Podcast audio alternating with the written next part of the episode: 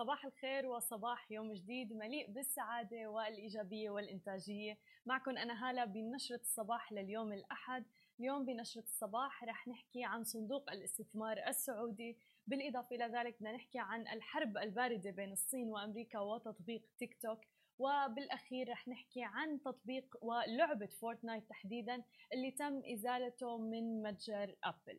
وفي البداية مثل ما قلنا خلونا نحكي عن صندوق الاستثمار السعودي حيث رفع صندوق الاستثمارات العامة السعودي حصته في ثلاث شركات مدرجة في البورصات الأمريكية.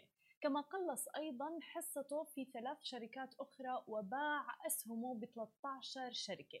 ووفقا لما أعلنته هيئة الأوراق والمالية والبورصات الأمريكية البارحة ضمن تغييرات في حيازات الصندوق خلال تحديدا الربع الثاني من العام الجاري تأتي هذه التغيرات في إطار ما يقوم به الصندوق من تقييم الفرص الاستثمارية بالأسواق المالية المحلية وأيضا الدولية بصورة مستمرة بحثا عن فرص جذابة لاقتناصها.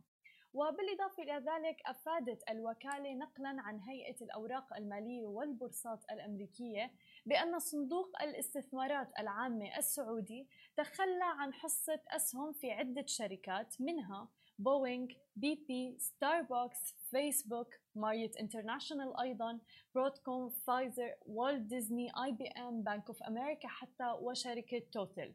كما قرر أيضا الصندوق تقليص حصته في أسهم شركات Cisco Systems بنسبة 53.5% إلى 5.8 مليون سهم.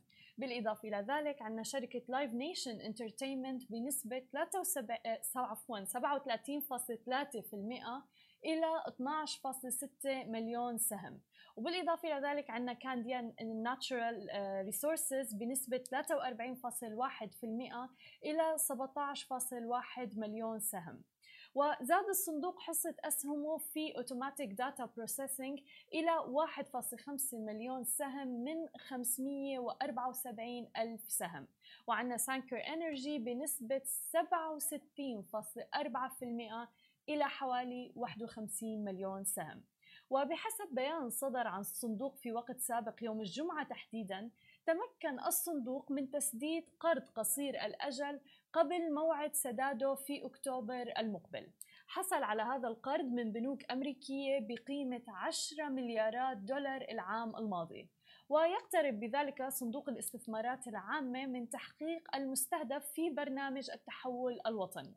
واللي هو أن تبلغ أصوله 400 مليار دولار أي يعني 1.5 تريليون ريال سعودي في عام 2020 ويستثمر الصندوق داخل المملكة وخارجها أيضا في قطاعات جذابة ومتنوعة تسهم في زيادة العائدات على المدى البعيد مع التركيز أيضا على توطين المعرفة زيادة الناتج المحلي وتمكين الشركات الصغيرة والمتوسطة في المملكة العربية السعودية لدفع عجلة التنمية الاقتصادية وتنويع مصادر الدخل تحديدا في الاقتصاد السعودي.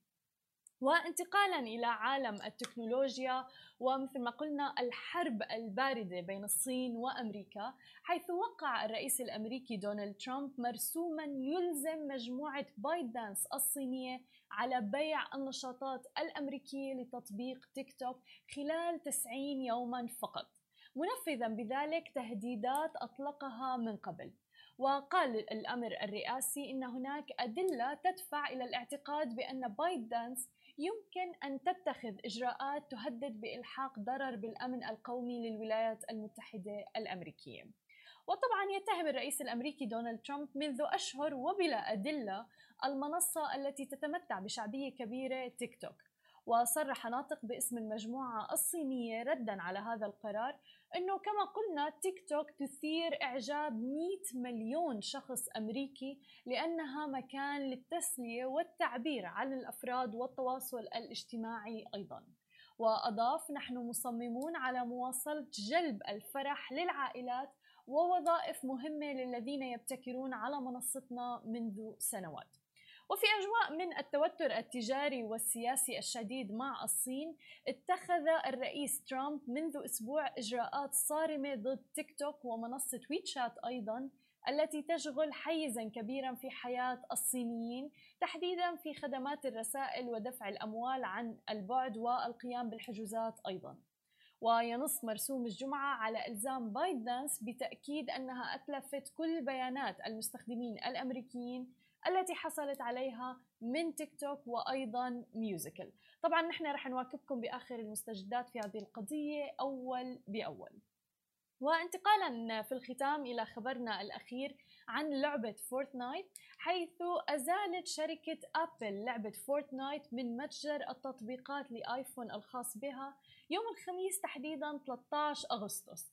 قائلة بأن هذه اللعبة انتهكت إرشادات أبل لمنصة توزيع البرامج